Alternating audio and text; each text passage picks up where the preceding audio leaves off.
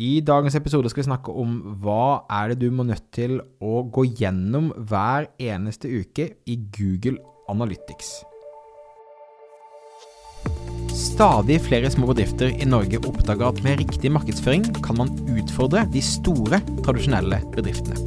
At ved å ha fokus på å bygge gode relasjoner og opparbeide seg tillit, kan små bedrifter oppnå store ting. Velkommen til podkasten 'Suksess med Facebook-annonsering'. Mitt navn er Thomas Moen fra Moen Co. Vi er et mediebyrå som hjelper små nettbutikker å vokse. I denne podkasten kommer vi med ukentlige råd, tips og strategier som du kan implementere i din bedrift. Om du er helt ny på annonsering, kan du komme i gang ved å gå til moenco.no start for vårt gratis introduksjonskurs. Hjertelig velkommen tilbake til en ny episode. I dag skal vi snakke om Google Analytics og hva du må nødt til å gjøre der i din ukentlige rutine. Hvorfor i all verden snakker du om Google Analytics når dette er en Facebook-annonseringspodkast, Thomas? Vel, eh, vi bruker alltid Google Analytics som fasiten, som, som hovedrapporteringsverktøyet eh, når vi kjører Facebook-annonser for nettbutikker. Og Det er rett slett bare fordi at både Google ads, Snapchat ads, Facebook ads, Pinterest ads. Alle prøver å ta mest mulig kred for hvert eneste salg, så det vil alltid være litt uh, overrapportering, og det vil alltid være en sånn liten mismatch. Og da er det greit å bare ha én kilde å forholde seg til. Så vi bruker Google Analytics til det. Og ja, Google Analytics og Google Ads har jo samme eier, Google. Eh, og eh, Google har en tendens fortsatt til å, til å, fortelle hvor flink Google Ads har vært kontra f.eks. Facebook-annonsering. Men vi bruker f.eks. når vi skal optimalisere på Facebook, så bruker vi da eh, Facebook sin data til å optimalisere hvilken annonser som gir best avkastning, men selve rapporteringen eh, da kommer fra Google Analytics. Så i dag tenkte jeg å gå gjennom og forklare eh, du som nettbutikkeier, eller du som bedriftseier, hva slags ting er det lurt å ha i din ukentlige sjekkliste å gå gjennom for å, uh, for liksom være klar på hvor er det uh, hvor er det trøkket ligger nå, hva jeg skal tenke på nå, hva skal jeg tenke på neste uke, hvordan skal jeg optimalisere og forberede meg til en ny uke.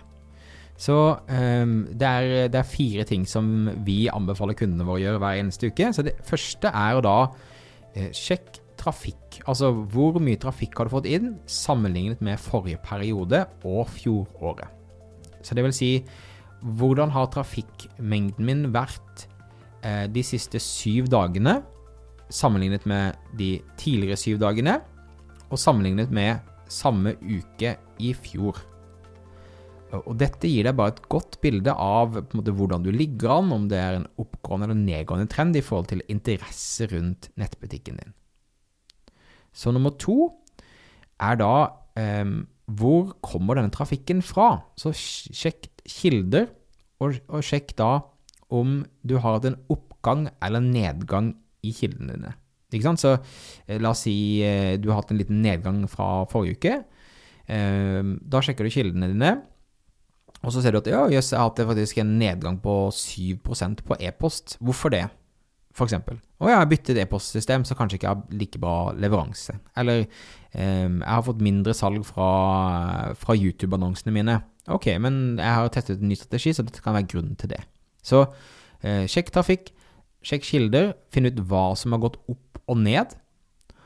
Og når du har kommet så langt, så går du da til listepunkt nummer tre, som er da konverteringsraten per kanal. Én ting er jo at du skal jo se og følge med på hva er konverteringsraten på nettbutikken min generelt, og den bør være i hvert fall over et prosent, men kanskje ideelt sett mellom to og tre. Jo høyere, jo bedre. Eh, så du sjekker den generelle konverteringsraten din, og så går du ned på eh, kilder og kanaler. Eh, og følger da med på én, hvilke kanaler er det som gir den beste konverteringsraten min, om det er organisk trafikk, eller om det er Facebook-annonsering, eller om det er Instagram-postene mine som gir best. Altså du skal ha et bevisst forhold til uh, hvilken av uh, kildene til trafikk er det som faktisk gir best effekt for meg. Og Hvis du da elsker å poste på Instagram, men du ser at så å si ingen trafikk, ingen salg og lav konverteringsrate på Instagram organisk, så burde du kanskje omprioritere hvordan du bruker tiden og energien din. Så Eh, punkt nummer tre, altså sjekk konverteringsraten, også da per kanal, for å forstå han eierskap til dette.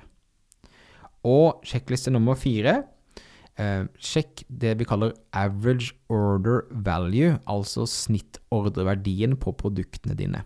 Dette gjør det også da innenfor e-commerce-fanen i, eh, i, Google Analytics, eh, og sjekk om den har gått opp eller ned. Jeg pleier å si at jeg, eh, jeg, ønsker når jeg begynner å jobbe med nye kunder, at du har minimum 800 kroner som en snittordreverdi.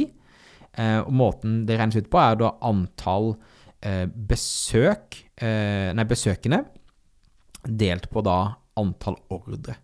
Så da vil du f.eks. få at, at en snittkunde legger igjen 1200 kroner per bestilling. Så sjekk trafikk, sjekk kilder, sjekk konverteringsrate og sjekk eh, snittordreverdi er de fire tingene du skal tenke på eh, og gå gjennom hver eneste uke i Google Analytics. Og så skal du ha et bevisst forhold til det, og du skal forstå tallene, du skal forstå hvorfor ting skjer som det skjer. Og når du ser nedgang både på eh, trafikk eller konverteringsrate, så kan du da eh, bruke den innsikten til å eh, bli bedre på e-postmarkedsføring, eller bli bedre på Facebook-annonsene dine, eller eh, bli bedre på å poste Instagram organisk. Men dette er altså noe du burde ha, eksempel, jeg har dette på fredager. Sett av en halvtime, gå gjennom. Gjerne ha et eget ark for deg sjøl der du noterer ned de forskjellige tallene, sånn at du har igjen et bevisst forhold til det, og du kan også se trendene over tid. Eh, det er absolutt å anbefale. Men bygg inn dette i rutinen din. Uh, sørg for at det er top of mind og ha en forståelse av eierskap til tallene. Dette er ikke bare noe du skal gjøre for å gjøre, du skal gjøre det for å forstå. Så gjør du det, så vil du ha mye bedre kontroll på eh, annonseringen din, og mye bedre kontroll på hva som faktisk fungerer og ikke, hva du skal legge tid og energi i. Ok, tusen takk for at du lytta på. Eh, om du ikke allerede gjør det, husk å abonnere i din podkast-app for å få med deg framtidige episoder. Driver du en nettbutikk og ønsker å vokse, så kan du lære mer om hvordan vi kan hjelpe deg på moen.no-annonsering, moenco.no annonsering.